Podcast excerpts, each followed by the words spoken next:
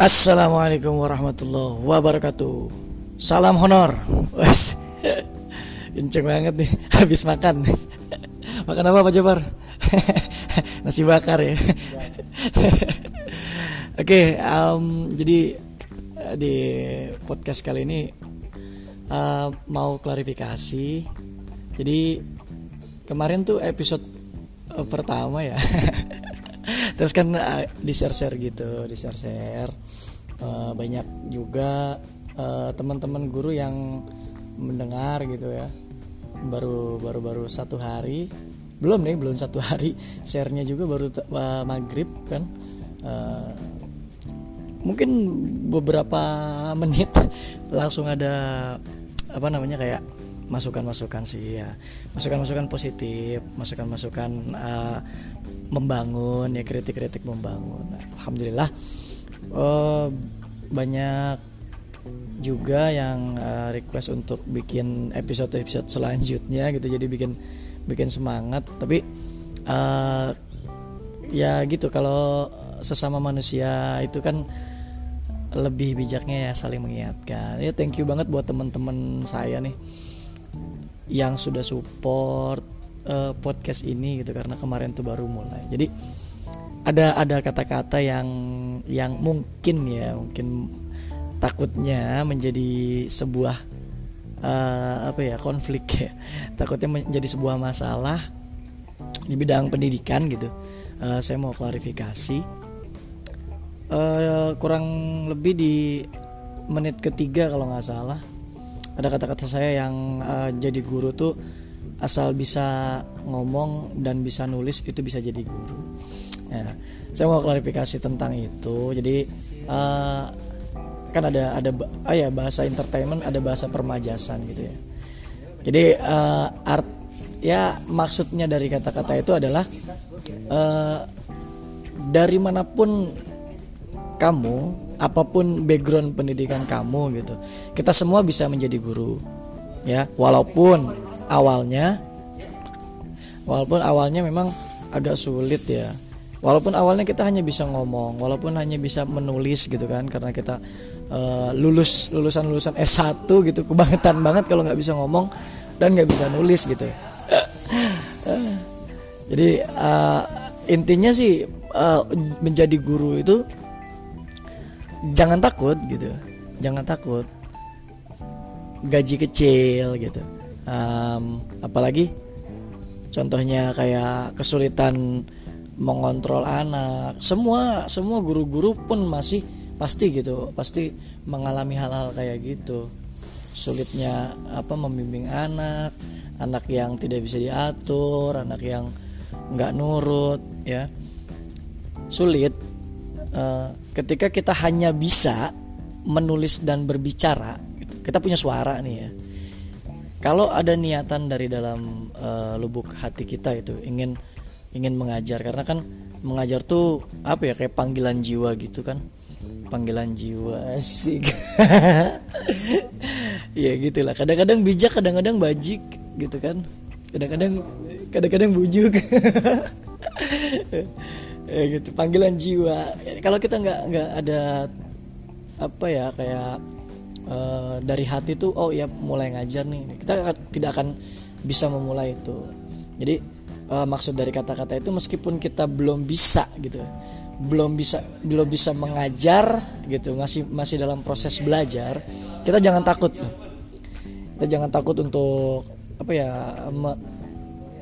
meng-share ilmu yang kita dapat meskipun itu hanya satu ayat ya.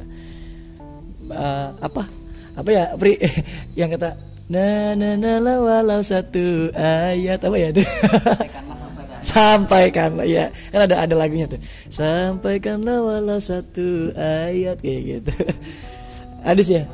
Hadis ya? Iya kayak gitu. Kan di di zaman uh, Rasulullah uh, pada waktu itu ilmu ilmu pengetahuan sangat sangat apa ya penting banget gitu. Sangat mahal harganya. Di di apa kita kita belajar tuh satu, satu huruf berapa dinar ya? Apri berapa dinar kalau satu huruf tuh? 100 dinar 1000 dinar. Satu huruf tuh 1000 dinar. Makanya orang-orang yang baru bisa kayak baru lulus sekolah gitu baru lulus S1 itu ya mencoba lah mencoba. Ke depannya bagaimana itu urusan Allah. Yang penting kita sudah sudah mau mencoba ya ya itulah uh, apa ya kayak klarifikasi takutnya nih. Ada ada apa ya kayak nggak ada ada pemikiran dari teman-teman teman-teman guru honorer kita yang ada di uh, Ciseeng. Kalau Ciseeng tuh gurunya cuman bisa apa cuman bisa ngomong doang bisa nulis. Enggak enggak bukan begitu. Bukan begitu. Jadi maksudnya itu kalau kita ingin menjadi seorang guru gitu ya uh, apalagi kalau kalau guru ya, yang yang teacher gitu kan guru-guru baru itu kan nggak langsung pro kan nggak langsung ngajar bla bla bla bla bla bla matematika rumus Pitagoras rumus pita suara rumus rumus cacing pita. Iya kayak kayak gitu nggak bisa langsung di apa nggak bisa langsung dikuasai bro uh, saya aja ya yang nggak nggak pro pro banget sih ngajarnya gitu. Tapi untuk memulai pembelajaran dalam kurun waktu sekian tahun gitu menguasai satu kelas aja tuh butuh butuh beberapa kali review gitu harus beberapa kali kita megang kelas jadi jadi lancar lagi gitu. Ya begitulah kalau apa ya pesan-pesan buat guru-guru baru. Jangan takut untuk mencoba bro uh, kalau belum dicoba kan kita nggak tahu. Ya nggak Bu Fika? Iya. Nanti kita insya Allah kita collab sama guru ini nih guru cantik si muda ya nggak? Tapi udah punya anak satu jangan galau ya. Udah punya anak satu. Namanya Bu Fika tapi dia nanti lah. Sekarang lagi sibuk. Nanti kita collab sama beliau. Sekarang kita dengerin aja lah curhatan seorang guru honor. Takutnya ya gitu. Kan episode pertama udah buat masalah akhirnya akunnya diblokir kan nggak lucu. Ya jadi kita harus klarifikasi gitu ya. Itu teman-teman jadi ya um, kita menjadi seorang pengajar tuh uh, kemarin juga sempat dapat dapat pencerahan dari dari ustadz kita ustadz Cahya ustadz Cahya yang ada di SOU ya. Uh, bukan yang ada di Steam ya ada juga Steam Ustadz Cahya Abi Cahya itu. Jadi kata beliau uh, saya pernah bertanya uh, Ustadz bagaimana sih caranya kita uh, mengajar itu tidak ada beban? Uh, push dari orang tua gitu push dari apa namanya uh, manajemen untuk membuat satu program pembelajaran yang high gitu, yang keren, yang bagus itu tidak menjadi beban buat kita. Ya, uh, beliau berpesan waktu itu menjawab pertanyaan saya kayak gitu, uh, jawabnya simpel. Kita uh, menjadi seorang guru itu harus didasarkan dengan keikhlasan. Uh, beliau bilang begitu. Keikhlasan dan kesabaran jadi ya iya sih memang jadi guru tuh ya, ya harus siap ikhlas kalau kalau nggak ikhlas ya jangan jadi guru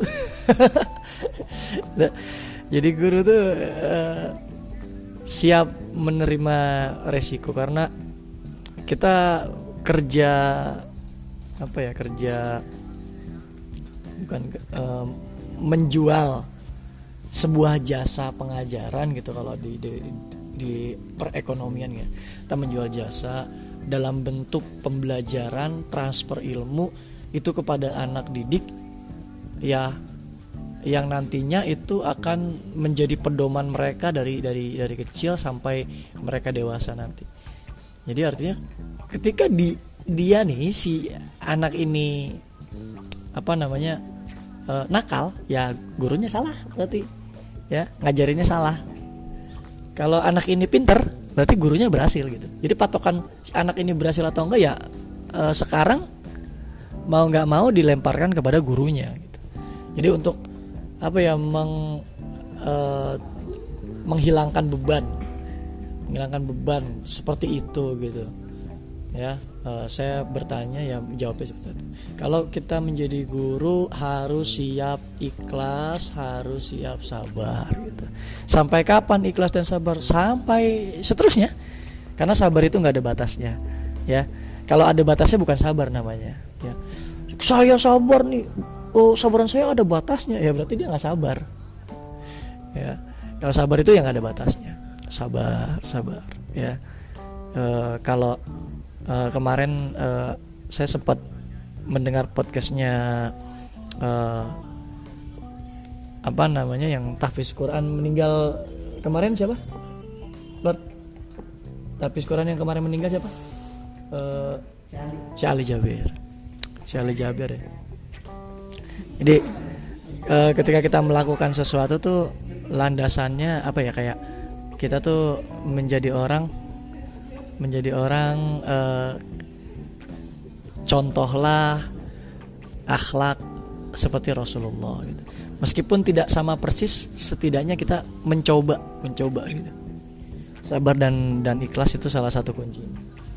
Oke ya, jadi begitu dulu uh, klarifikasi biar podcast saya nggak ditutup. Seperti itu ya, thank you banget buat yang dengerin. Uh, cukup. Assalamualaikum warahmatullahi wabarakatuh. Salam honor.